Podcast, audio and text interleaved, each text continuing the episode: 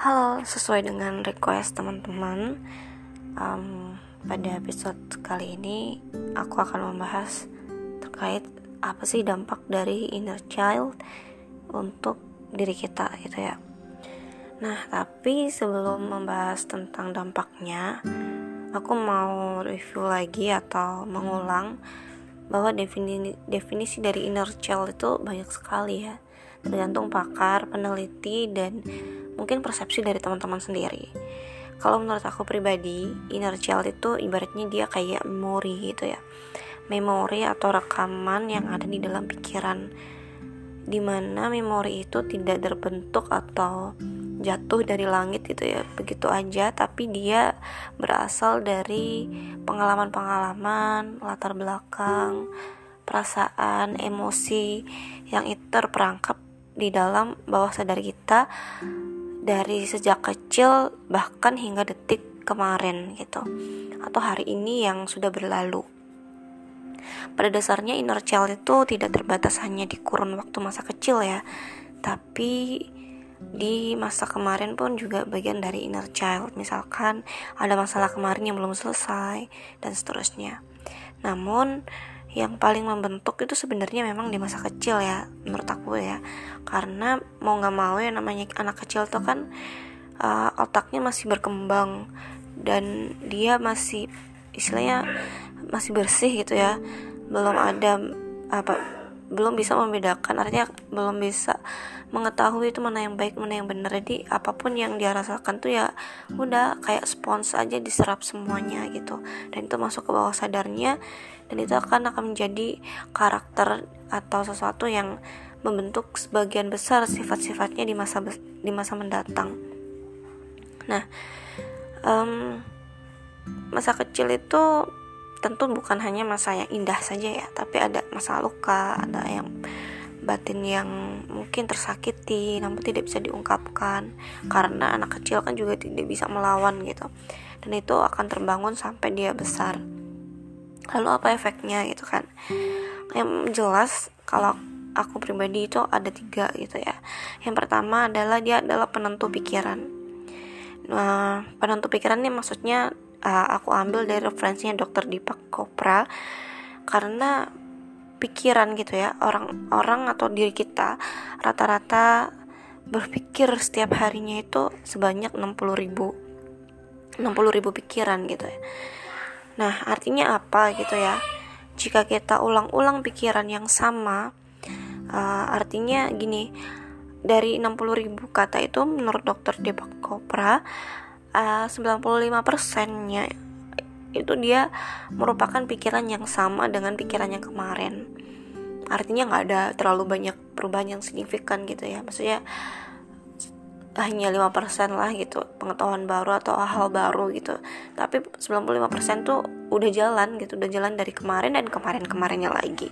Artinya jika kita mengulang-ulang pikiran yang sama gitu ya sifat yang sama atau sikap-sikap yang sama. Maka tubuh kita itu apa ya uh, akan jika terus mem, apa namanya memikirkan yang sama dia akan menerima perintah yang sama juga gitu.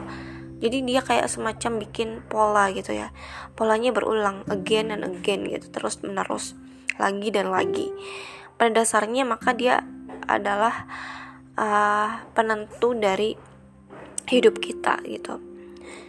Pikiran kita inilah yang sebenarnya yang paling penting dari semua hal yang ada di muka bumi gitu ya. Jadi pikiran kita itu mempunyai pandangan gitu ya terhadap hidup kita terhadap pribadi kita sendiri kayak gimana gitu.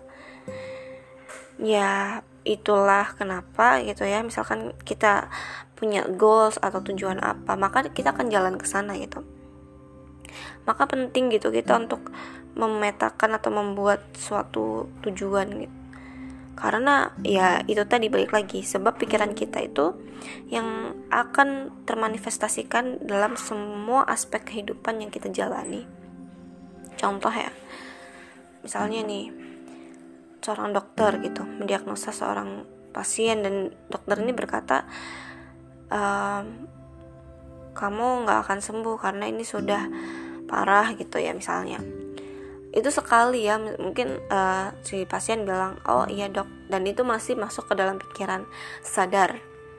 Kemudian dokter tuh ditemui lagi gitu kan karena rutin cek gitu terus dan dia dokter mengatakan begitu terus begitu terus dan akhirnya pasien tuh merasa hopeless gitu ya kayak wah iya ternyata emang gak bisa disembuhkan. Dan akhirnya ya udah itu menjadi pikiran yang permanen pada dasarnya dia bergantung pada obat-obatan kemudian dia nggak bisa lepas dari saran dokter itu dan pada akhirnya ia menggantungkan diri dan hidupnya kepada obat dan dokter. Ini kan cukup cukup apa miris gitu kan karena ya itu balik lagi pikiran itu di di pola gitu ya. Setiap setiap pikiran yang masuk dan tuh kita benarkan terus kita ulangi dan ulangi maka ya itu yang akan terjadi.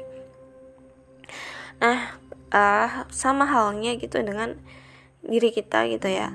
Dulu mungkin gitu anak milenial gitu kan hidupnya. Anak IPA dan IPS gitu. Anak IPA lebih sukses dibanding IPS misalnya. Padahal kesuksesan itu bukan ditentukan oleh jurusan gitu kan. Kampus misalkan. Kampus yang uh, kuliah yang di kampus A gitu lebih sukses dibandingkan kampus B. Padahal kesuksesan itu bukan ditentukan oleh alma maternya gitu atau kampusnya. Tapi ya diri kita sendiri gitu bagaimana menyikapi kehidupan Nah, kemudian yang kedua karena pikiran tadi udah jelas ya termanifestasi dalam kehidupan kita yang tentunya inersial ini pun juga akan mempengaruhi dan menentukan sikap. Nah, sikap inilah yang sebenarnya bisa kita kontrol ya kalau kita lagi sadar. Tapi pada dasarnya karena kita memang bergerak dari bawah sadar gitu ya yang di mana prosentasenya lebih besar dibandingkan alam sadar kita maka kadang selalu ada gitu sikap-sikap yang under control atau sesuatu yang tidak bisa kita kendalikan gitu. Karena dia kayak pendorong pendorong kita gitu aja gitu. Contoh yang paling paling sederhana aja ketika uh, ibu seorang ibu lahiran gitu ya. Dan kita merasa dan kita mungkin pernah merasakan uh, mau prosesnya melahirkan gitu. Dan itu bawah sadar banget itu kerjanya gitu kan. Otak sadar itu kayak misalkan oke okay, di menit-menit masih sadar awal-awal gitu ya misalkan masih tahan napas buang napas gitu.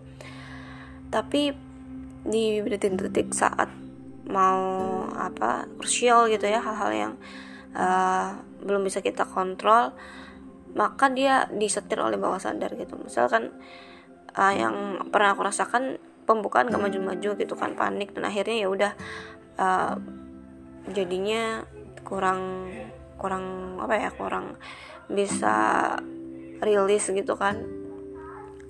Pada endingnya ya tidak sesuai dengan harapan dan seterusnya. Nah setelah dia menentukan pikiran kita kemudian pikiran kita akan mengirim sinyal-sinyal gitu ya. Karena uh, secara sadar apa ya bahwa peran dari memori itu kuat banget gitu ya bahwa sadar itu benar-benar besar banget gitu. Maka ketika kita sudah apa mem, apa ya memiliki si memori inner child ini uh, kita akan mengirimkan itu pesan itu ke sel-sel tubuh kita dan akan menghasilkan uh, gerakan gitu atau sikap dan inilah yang menentukan jadi penentu sikap. Dan sikap itu yang pastinya akan menentukan masa depan kita gitu kan. Jadi nggak ada ceritanya kayak misalkan maksudnya nggak ada nggak ada nggak dikasih pilihan gitu ya. Semua semua itu kita pilih itu. Kita mau pilih yang mana itu ya balik lagi bergantung dari inner child atau memori kita gitu. Kemudian yang menentukan pikiran kita dan akan jadi menentukan sikap kita. Dan itulah yang akan menjadi penentu masa depan kita. Jadi pengaruhnya itu ada tiga ya, penentu pikiran, penentu sikap, dan penentu masa depan. Dan itulah kenapa di program ini gitu kan aku sering bersuara mengeluarkan segalanya itu bukan sebenarnya bukan untuk teman-teman ya tapi untuk aku pribadi gitu karena ya solusi dari semua ini yaitu memperbaiki batin bawah sadar memperbaiki batin bawah sadar itu bukan berarti aku harus uh, mengucapkan sugesti positif setiap hari ya. Itu nggak sama gitu. Memperbaiki bawah batin bawah sadar itu bukan berarti kita menolak negatif-negatifnya gitu kemudian kita ambil yang positif-positifnya enggak. Tapi kita uraikan program itu yang benar-benar bongkar gitu ya rekaman negatif yang sudah ada sebelumnya gitu. Jadi apa pun yang ada di bawah sadar itu ya memang pada dasarnya lebih kuat ya dari apa pun yang ada di pikiran sadar. Ya makanya kita apa ya aku pribadi sih itu terus akan terus menerus untuk memperbaikinya gitu. Di mana ketika rekaman itu terus berjalan dan dia menguasai hidup hidup aku gitu atau hidup kita maka rekaman itulah yang akan menyetir apa sih kayak uh, membalikkan semua hal yang sebenarnya gak ingin kita lakukan kayak gitu. Makanya aku di sini di program podcast suara inner child selalu uh, mengatakan uh, sambil mengulang-ulang hal yang sebenarnya sudah aku lalui atau hal yang sebenarnya sudah aku rasakan pahit dan maupun manisnya gitu. Karena pada dasarnya itu adalah suatu pola atau ritme aku untuk membongkar rekaman. Dan itulah kenapa setelah terbongkar aku bisa memperbaiki batin bawah sadar itu sendiri. Untuk metode dan seterusnya aku rasa lebih banyak uh, lebih banyak diuraikan atau dijelaskan oleh ahli ya. Karena aku di sini bukan ahli bukan apa namanya orang yang terserter se, apa ya tersertifikasi untuk menjelaskan atau memandu gitu ya tapi aku adalah praktisi atau orang yang mempraktekkan apa-apa yang memang sudah aku kerjakan gitu ya bukan yang orang lain lakukan tapi yang aku kerjakan aku rasakan aku bagi di sini untuk teman-teman yang mungkin terutama untuk diriku sendiri yang terus ingin memperbaiki batin bawah sadar. Dan tentunya tidak bisa dilakukan secara instan. Aku pribadi sudah melalui ini panjang panjang banget dan perenungan yang cukup lama gitu ya. Udah hampir belasan tahun gitu rasanya dan masih terus untuk berjuang gitu untuk memperbaiki ini gitu yaitu batin bawah sadar tadi. Oke, okay, uh, balik lagi ya di kesimpulan inner child itu apa itu segala memori kalau menurut aku pribadi memori yang memang sudah direkam gitu ya sudah otomatis ada dan energinya besar banget ya dari masa kecil kita remaja kita dewasa kita bahkan mungkin detik kemarin dan pengaruhnya apa di kehidupan yang pertama dia adalah penentu pikiran Nah, karena pikiran kita berasal dari bawah sadar juga gitu. Di mana itu bang inner child ada di sana gitu. Yang kedua penentu sikap. Dan pastinya karena pikiran-pikiran itu terus dia mengulang-ulang akhirnya mengirimkan pesan kepada sel-sel tubuh maka dia akan menjadi penentu sikap kita. Dan yang ketiga dia adalah penentu masa depan. Ini penting banget. Untuk menonton masa depan tuh aku, banyak banget cerita tentang ini uh, kapan-kapan aku bagi. Nah kesimpulannya yang terakhir kita juga penting ya untuk memperbaiki batin bawah sadar kita penting juga untuk mempunyai pandangan yang jelas tentang hidup kita, apa tujuan kita, apa goals kita. Karena pikiran-pikiran kita itu yang nanti akan termanifestasi dalam setiap aspek kehidupan kita.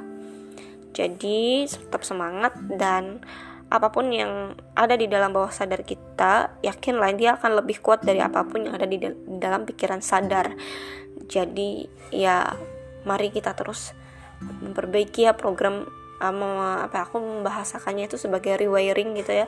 Menjalin ulang kabel-kabel yang udah putus jelek dan seterusnya dari program bawah sadar negatif gitu ya.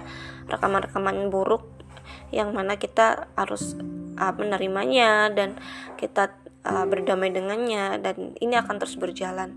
Sebab ya rekaman-rekaman inilah yang dia akan terus berputar maupun walaupun kita berhenti berpikir gitu ya. Dan dia akan yang menguasai hidup kita. So tetap semangat dan sampai jumpa di podcast episode selanjutnya. Bye